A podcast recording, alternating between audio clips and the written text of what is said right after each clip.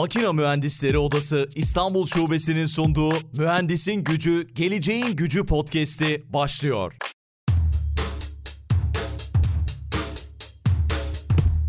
Makine Mühendisleri Odası İstanbul Şubesi tarafından hazırlanan Mühendisin Gücü, Geleceğin Gücü podcast'inin yeni bölümünden herkese merhaba. Bu bölümde konuğumuz çok çok uzaklarda Amerika Birleşik Devletleri'ne gideceğiz. Bir akademisyeni konuk ediyoruz.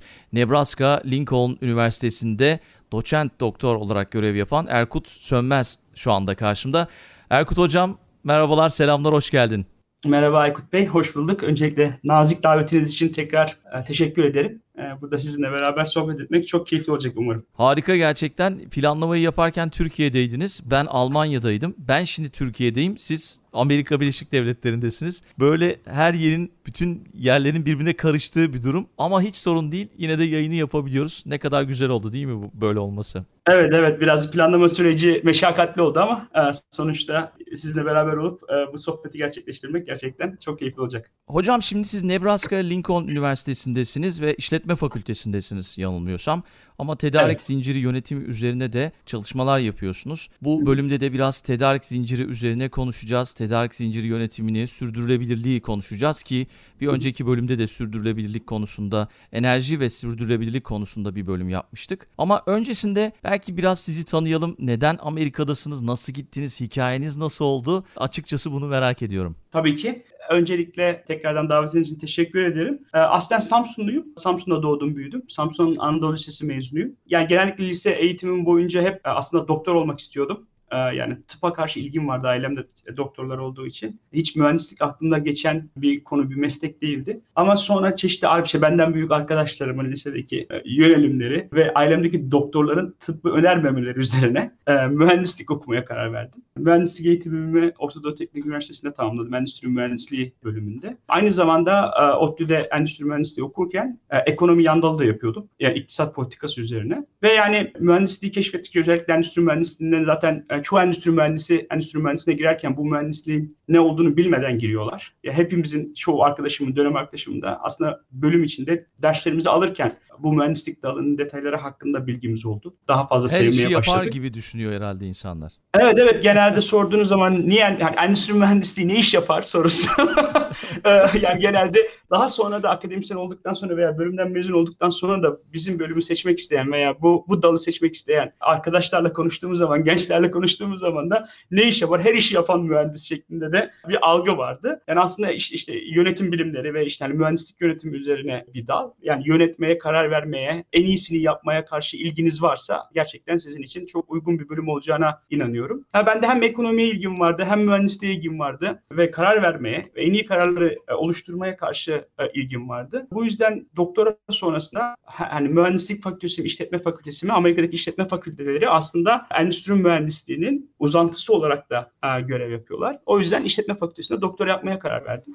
Mühendisliğim boyunca ODTÜ'deki stajlarım vardı ve hep böyle tıp alanına ilgi duymuştum. O zaman da yani mesela e, işte bu tıbbi aletler üreten firmalarda onların üretim süreçlerinde staj yapmıştım. Daha sonrasında yine Türkiye'de e, büyük bir medikal şirkette staj yapmıştım. Hatta orada beni pazarlama bölümüne vermişlerdi. Ben üretim bölümünde e, çalışacağımı düşünüyordum. Ve orada şey gördüm yani hani bize verilen eğitimle oradaki verilen kararları ne kadar iyileştirebileceğimiz, işte yapacağımız küçük değişikliklerle, planlamalarda, kararlarda yapacağımız değişikliklerle şirkete ne kadar fayda, şirkete, çevreye ne kadar fayda sağlayacağımız, çalışanlara ne kadar fayda sağlayacağımızı birebir tespit etmiş oldum. Benim için çok faydalı bir staj dönemi olmuştu. Aynı zamanda biz bu stajı okulda proje olarak da yapıyorduk, bitirme tezimiz olarak. Ee, orada şey gördüm yani ben bu tip konuları daha fazla yapmak istiyorum. Daha fazla öğrenmek istiyorum ve daha fazla şirkette çalışmak istiyorum. Ve bunun için doktor yapmaya karar verdim. Aslında başta doktor yapmak çok fazla aklımdan geçmiyordu akademisyen olmak. Onun için işte Amerika'daki üniversiteleri araştırdım ve onlara başvurularımı gerçekleştirdim ve Carnegie Mellon Üniversitesi Amerika'da Pittsburgh şehrinde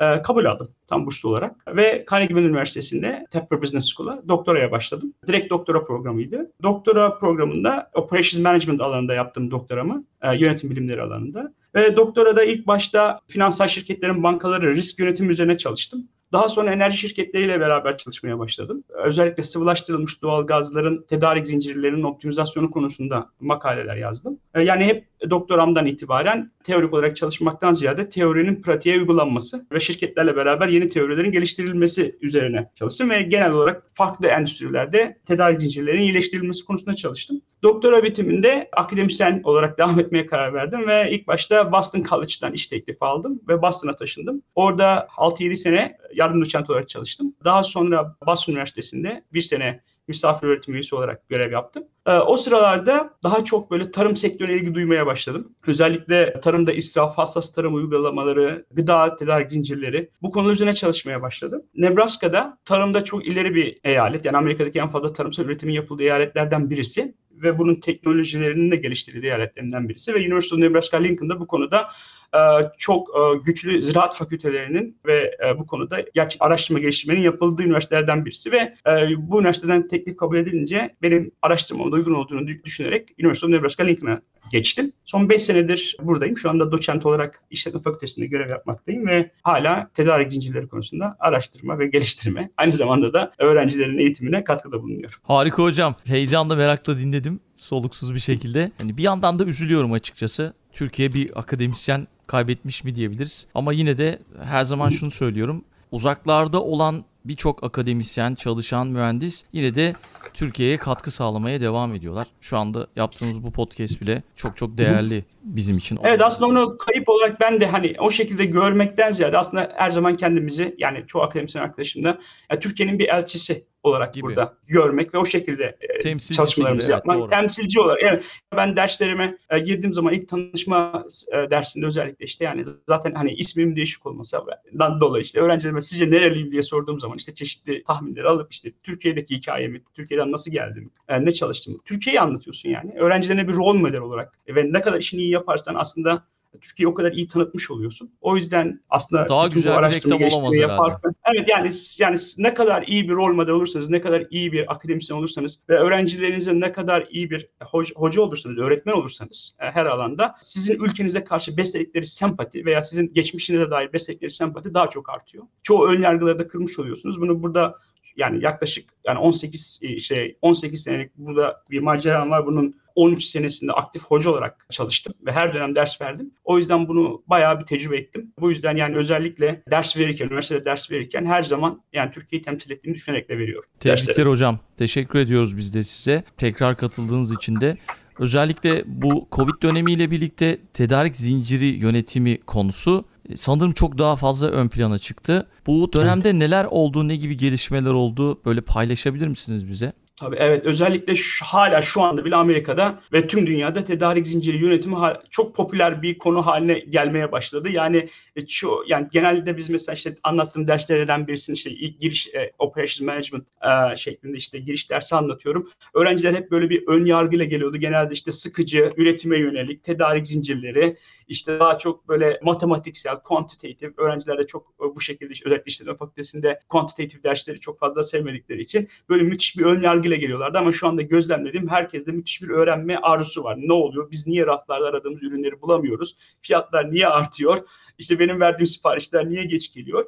Ve şirketlerle şu anda görüştüğümüz zaman müthiş bir talep var. Özellikle bizim mezunlarımıza veya tedarik zinciri konusunda eğitim almış uzmanlara, endüstri mühendisliğine veya e, tedarik zinciri konusunda kendini geliştirmiş çeşitli branş dallarına. O yüzden tedarik zinciri aslında hangi alana yani işletmede bir herhangi bir işletme hangi alana ilgi duyarsanız duyun. En azından yani bir temel olarak bilmeniz gereken bir konu. Bize çok güzel örnekler gösterdi. Özellikle Covid pandemisiyle başlayan süreçte. Yani tedarik zincirlerinde çok fazla işte bu disruption dediğimiz kırılmaları görmeye başladık. Tedarik zincirleri görevlerini yerine zamanında getirememeye başladı. Tabii bunun pek çok faktörü var. Yani aslında bunlar yapısal sorunlar. Covid'in dünyaya yayılacağını bir tedarik zinciri yöneticisinden öğrendim. Yani onun öngörüsü. Hı hı. Yanılmıyorsam Aralık ya da Ocak aylarıydı. İşte Çin'de tabii ki onlar çok daha önceden öğrenmişler böyle bir şey olduğunu ve bunun dünyaya yayılacağını söyledi. Biz dalga geçtik hadi canım Almanya'ya gelmez ya da başka bir yere gelmez diye. Çünkü onlar sıkıntıdaydı, bulamıyorlardı, tedarik edemiyorlardı. O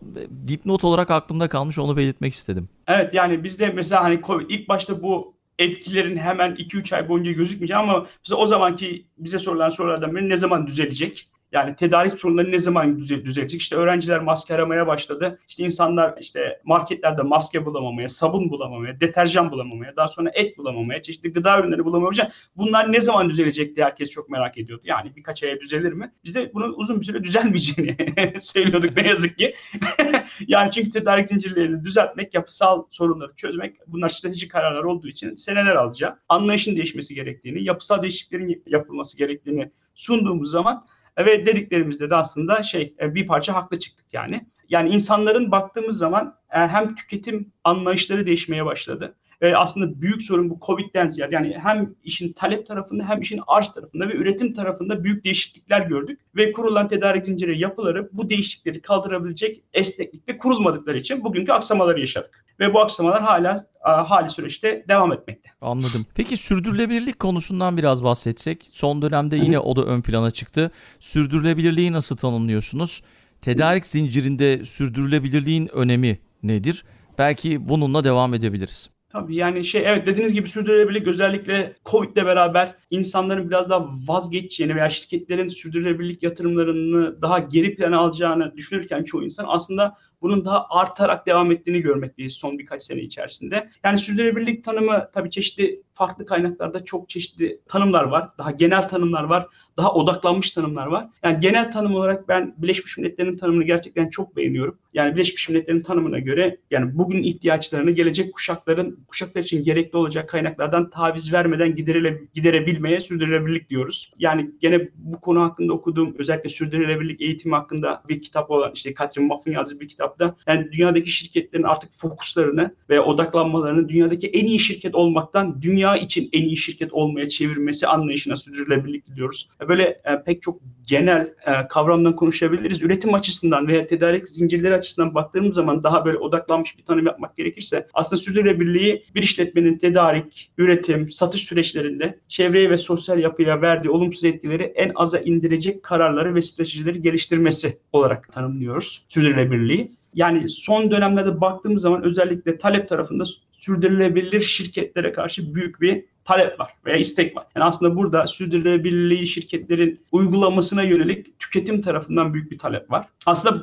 bu işi e, başta baktığımız zaman yani sonuçta şirketler tüketicilerin istedikleri ürün ve servisleri üretiyor firmalar, işletmeler. Genelde bu firmalar klasik olarak tüketiciler bir ürünü veya servisi dört ana boyutta değerlendiriyorlardı. İşte fiyatına bakarlar. Onun için şirketler fiyat yönünden en iyi şirket olmak isterler. Kalitesine bakarlar, üretilen çeşide bakarlar ve size en hızlı şekilde bu ürünü veya servisi ulaştırmaya bakarlar. İşte bu dört boyut genelde birbiriyle çelişir. Hepsinde en iyi olamazsın. Yani sen bunların bir tanesini kendine bir stratejik veya rekabetçi güç olarak seçersin bir şirket olarak. Şimdi bu dört ana boyutun yanında son senelerde bir de sürdürülebilirlik boyutu ortaya çıktı. Çünkü müşteriler veya işte genel olarak halk diyelim son senelerde çok fazla sürdürülebilirliğin etkilerini görmeye başladılar. Yani işte hepimiz son senelerde Covid denen bir pandemi yaşadık. Son senelerde çok büyük kuraklıkları yaşıyoruz. Sel baskınları yaşıyoruz. Orman yangınları yaşıyoruz. Kıtlık yaşıyoruz. Hepimiz enerji krizini görüyoruz. Hepimiz dünyadaki savaşlardan dolayı hepimizin içinde bir işte kıtlık endişesi var. Yani tarımsal ürünlere ulaşamama, onların fiyatlarının aşırı derece artması endişesi var. Bu yüzden artık bu kadar fazla normalde alışık olmadığımız doğa olaylarını veya işte tedarik kısıntılarını gördüğümüz zaman tüketiciler olarak şirketlerden daha sürdürülebilir operasyonlar, yapılar ve tedarik zinciri talep etmeye başladık. Ve insanlar sürdürülebilir ürünler veya şirketler için daha fazla premium ödemeye başladılar. Yani daha biraz daha fazla fiyat ödeyeyim ama benim aldığım mal daha sürdürülebilir bir şekilde veya çevreye zarar vermeden üretilsin istiyorlar. Ve bunun için de şirketler aslında ne kadar sürdürülebilir veya çevreye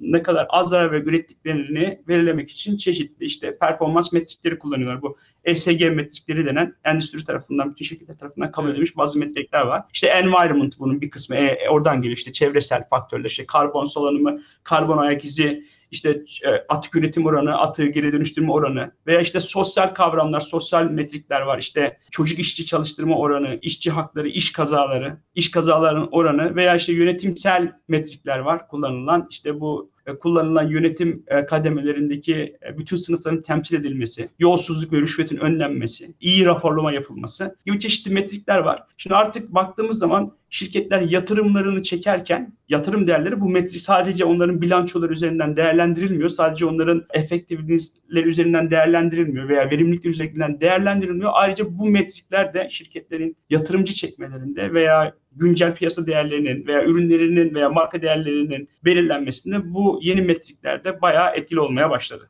Kesinlikle ben de katılıyorum. Sürdürülebilir büyüme ve ekonomi konusunda tedarik zinciri nasıl bir rol oynuyor? Belki bundan bahsedebiliriz. Nasıl bir strateji izlenmeli? Gerçi az önce az çok bahsettiniz ama yani yeni teknolojilerle birlikte artık bunlar da gelişiyor. Belki o tedarik zincirine gelen teknoloji katkısını da anlatabilirsiniz. Evet tabii şimdi aslında tedarik zinciri bu işin tam ana merkezinde. Yani çünkü tedarik zinciri bir ürünün dizayn aşamasından başlıyor. İşte onun ham maddelerinin tedariğinden, üretilecek olan fabrikaya ulaştırılmasından, üretiminden son kullanıcıya ulaşmasına kadar hatta kullanıldıktan sonra geri dönüşümünün sağlanmasına kadar bütün alanlarda tedarik zincirinin izlerini görüyoruz. Ve sürdürülebilirliğe baktığımız zaman artık işte şirketler tedarik zincirlerini dizayn ederken, oluştururken bu metrikler, burada biraz önce bahsettiğim metrikler veya performans metrikleri üzerinden konuşmaya başladılar veya bu, bu şekilde tedarik zincirlerini bu şekilde yenilemeye, e, düşünmeye başladılar. Mesela işte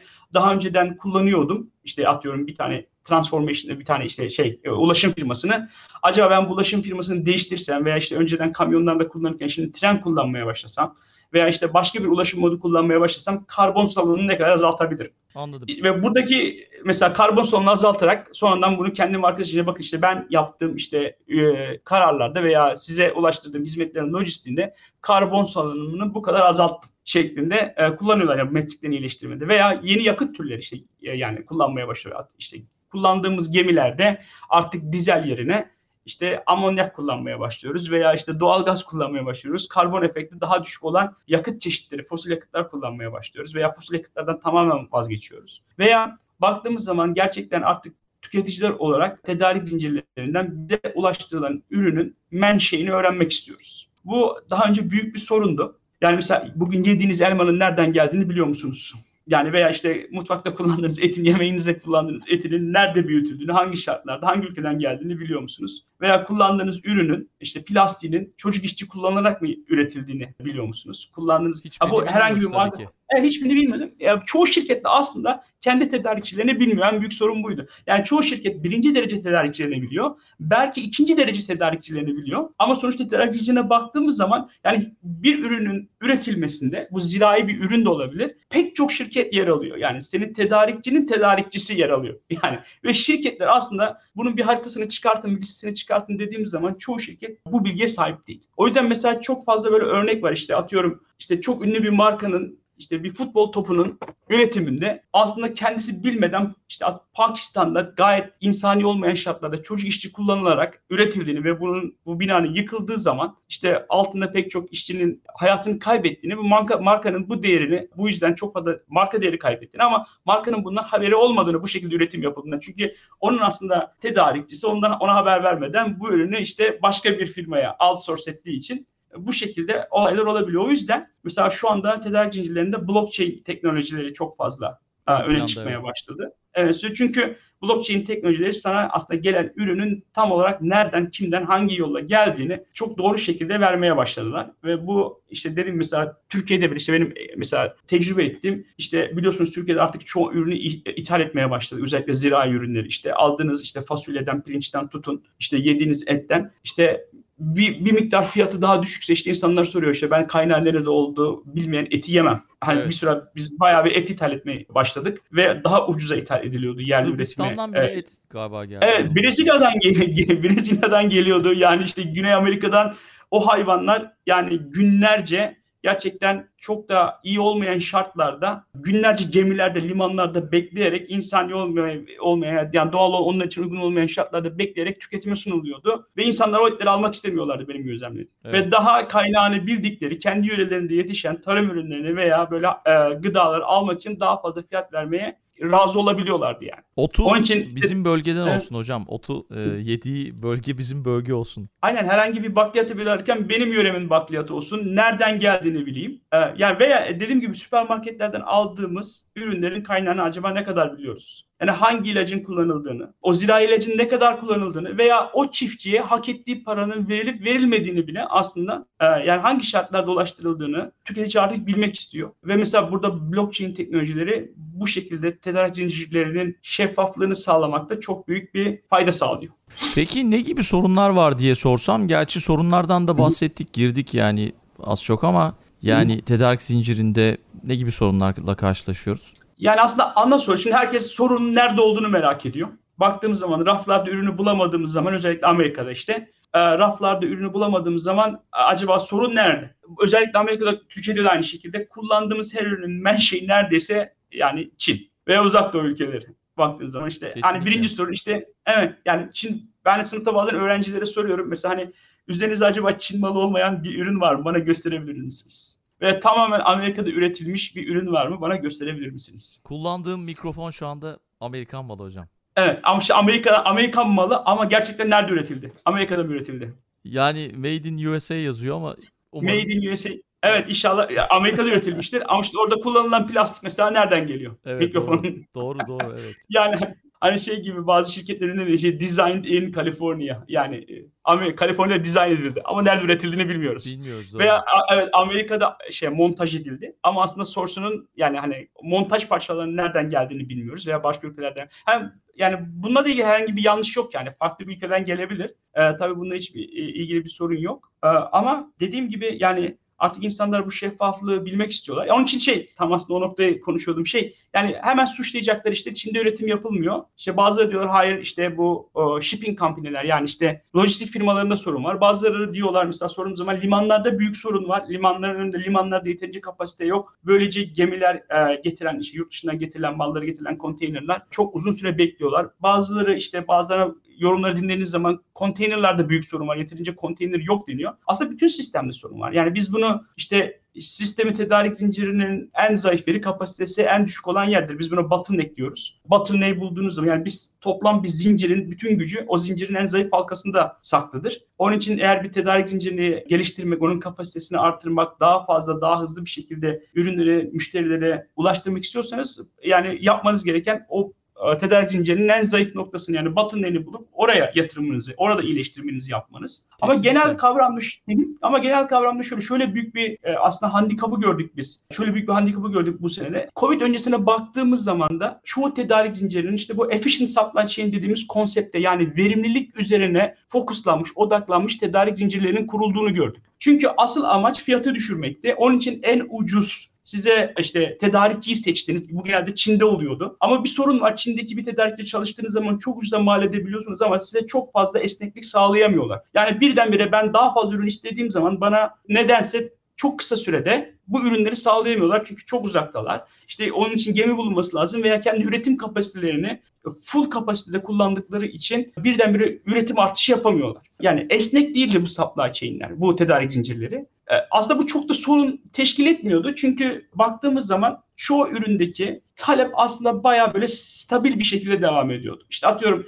insanların kullandıkları tuvalet kağıdı miktarı birdenbire çok fazla artmıyordu. Veya el sabunu miktarı birdenbire çok fazla artmıyordu. Veya kullandıkları deterjan çok fazla artmıyordu. Ama Covid ile başlayan süreçte özellikle talep boyutunda müthiş dalgalanmalar gördük. Şimdi bunun pek de pek çok faktörü var. Mesela işte Covid sürecinde birdenbire tüketim alışkanlıklarımız değişti evde daha fazla kaldığımız için. İşte neydi? Daha fazla sabun kullanmaya başladık. Daha fazla çamaşır yıkamaya başladık. Ve bu dalgalanma kurulmuş olan tedarik zincirlerinin karşılayabileceği şekilde değildi. Çünkü bu e, tedarik zincirleri esnek biçimde kurulma, destek biçimde derken işte fiyat veya talep artışlarına cevap verecek şekilde bir tedarik zincirini kurmak için daha fazla yatırım yapmanız gerekir. Yani Doğru. ekstradan bir geminiz olması lazım, ekstradan bir mak- makineniz olmanız lazım, ekstradan işçileriniz olması lazım ama bu işçilere her zaman gerek duymayacaksınız veya bu makinelere her zaman gerek duymayacaksınız. Bunlara sadece talepte artış olduğu zaman gerek duyacaksınız ve siz her zaman kullanmayacağınız bir makineye veya işçiye fazladan para veya yatırım yapmak istemezsiniz. Yani düşünün 2-3 tane fazladan işçiniz var. Siz bunlara maaşını ödüyorsunuz çalışsın veya çalışmasın ama bunlara sadece işte talep arttığı zaman ihtiyaç duyacaksınız. Evet. Şimdi firmalar tamamen verimlilik üzerine fokuslandıkları için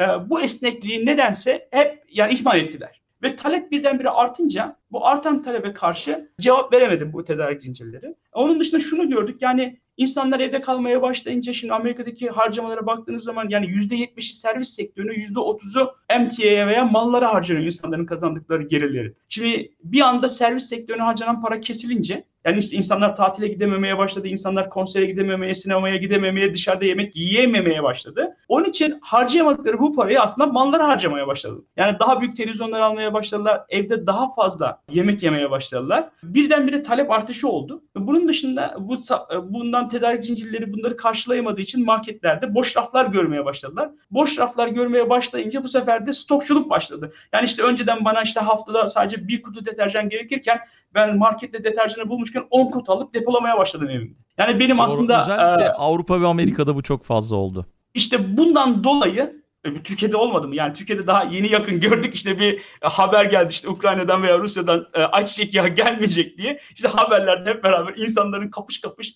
işte 10 e, kutu 10 şişe ayçiçek yağını evde depoladıklarını görmeye başladık. İşte bu alışveriş paterni, bu stokçuluk paterni zaten çok fazla yoğunlaşmış, çok fazla yorulmuş olan, çok fazla yüklenmiş olan tedarik zincirlerindeki kırılmayı daha da büyüttü. Bundan dolayı hem talep tarafındaki hem de arz tarafındaki bu değişikliklerden dolayı çok daha fazla ürünlerde sıkışıklıklar ve ürünleri bulamama gibi çeşitli sorunlar görmeye başladık.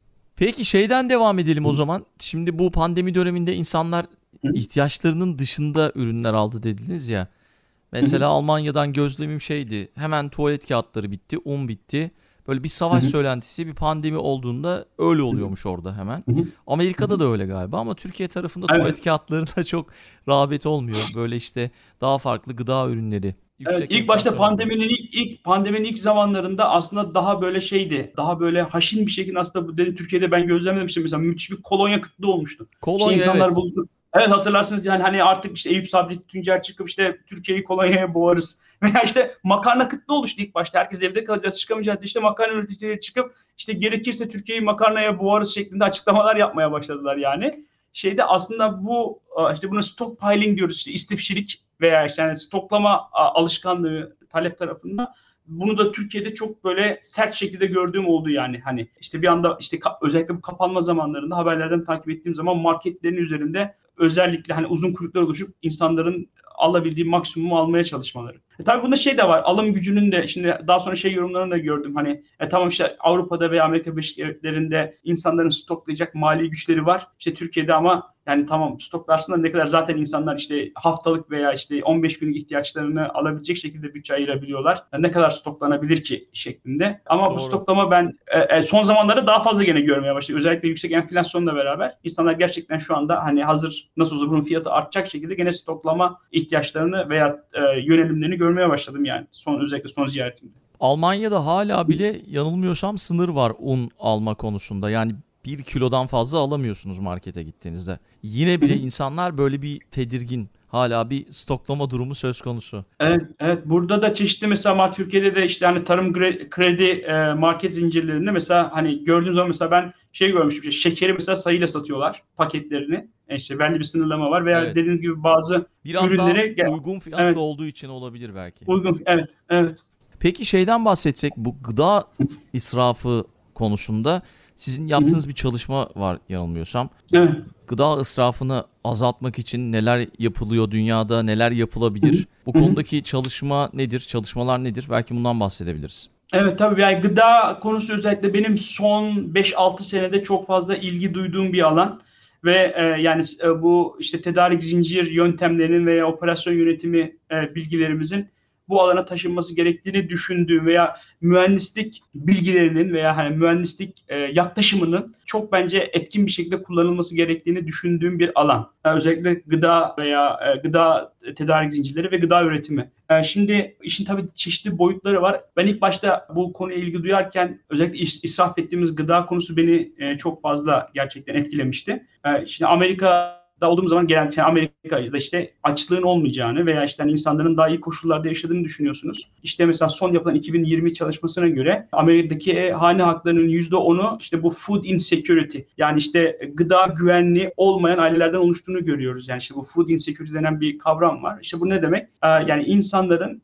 en az bir defa evlerinde bütün aile haklarını, aile üyelerini besleyecek ürünlerin olmaması demek. E, buna baktığımız zaman yani çoğu insanın hani sürekli bir açlık seviyesinde yaşamadığını ama gıda temini konusunda sorunlar yaşadığını görüyoruz. Aynı zamanda bu e, gıda konusunda sorunlar yaşadıkları için insanların yani büyük bir oranda insanların gıda konusunda gıda ya ulaşım konusunda büyük sorunlar yaşadığını görüyoruz. Özellikle Amerika'da işte %10, %14'e varan bir oran var bunda. Ve bu aileler genelde yani hani mesela çalışmayan aileler değil yani anne baba ikisi de çalışıyorlar ama yaşam masrafları özellikle sağlıklı gıdaya erişim konusunda yeterince bütçe ayıramadıklarını gösteriyorlar. Öte taraftan işin arz tarafına baktığımız zaman toplam üretilen gıdanın yaklaşık %30'unun %40'ının tedarik zincirlerinin değişik kısımlarında kaybolduğunu görüyoruz. Yani çürüdüğünü, atıldığını veya hiç e, tedariye veya satışa sunulmadığını görüyoruz. Yani bir tarafta çok büyük bir gıda ulaşım problemi var e, ve bu gıda ulaşım probleminden dolayı çok fazla sağlık sorunları yaşanıyor. Özellikle sağlıklı gıdaya ulaşım konusunda. Öbür tarafta da ürettiğimiz gıdanın yaklaşık yarısını çöpe attığımıza dair bir gerçek var. Yani sadece yani gıdayı fazla üretmekten ziyade üretilen gıdayı en iyi şekilde kullanabilirsek aslında açlıkla bayağı mücadele edebileceğimizi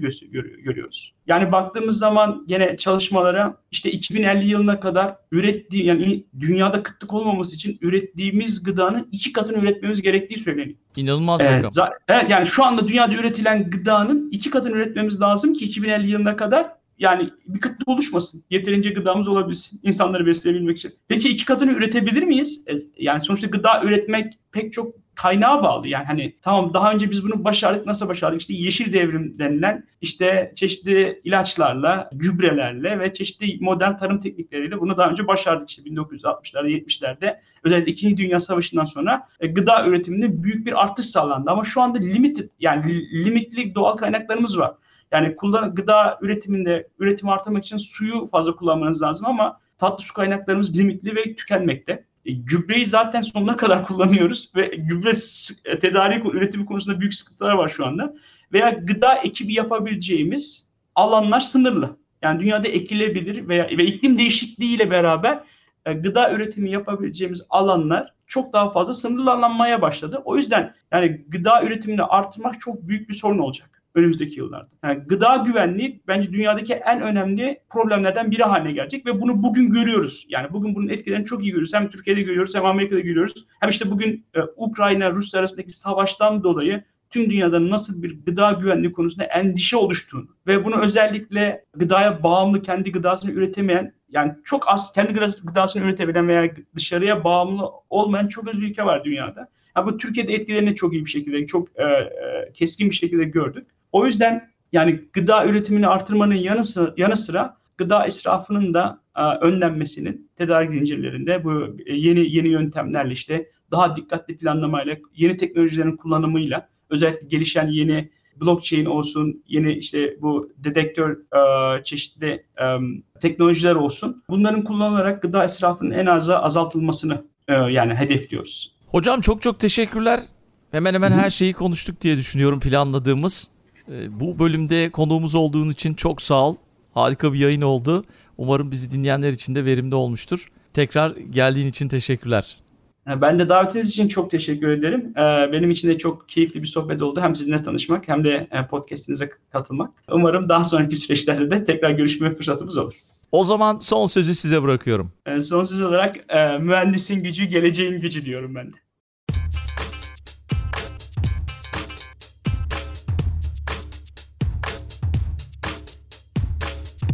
Makina Mühendisleri Odası İstanbul Şubesi'nin sunduğu Mühendisin Gücü, Geleceğin Gücü podcast'i sona erdi.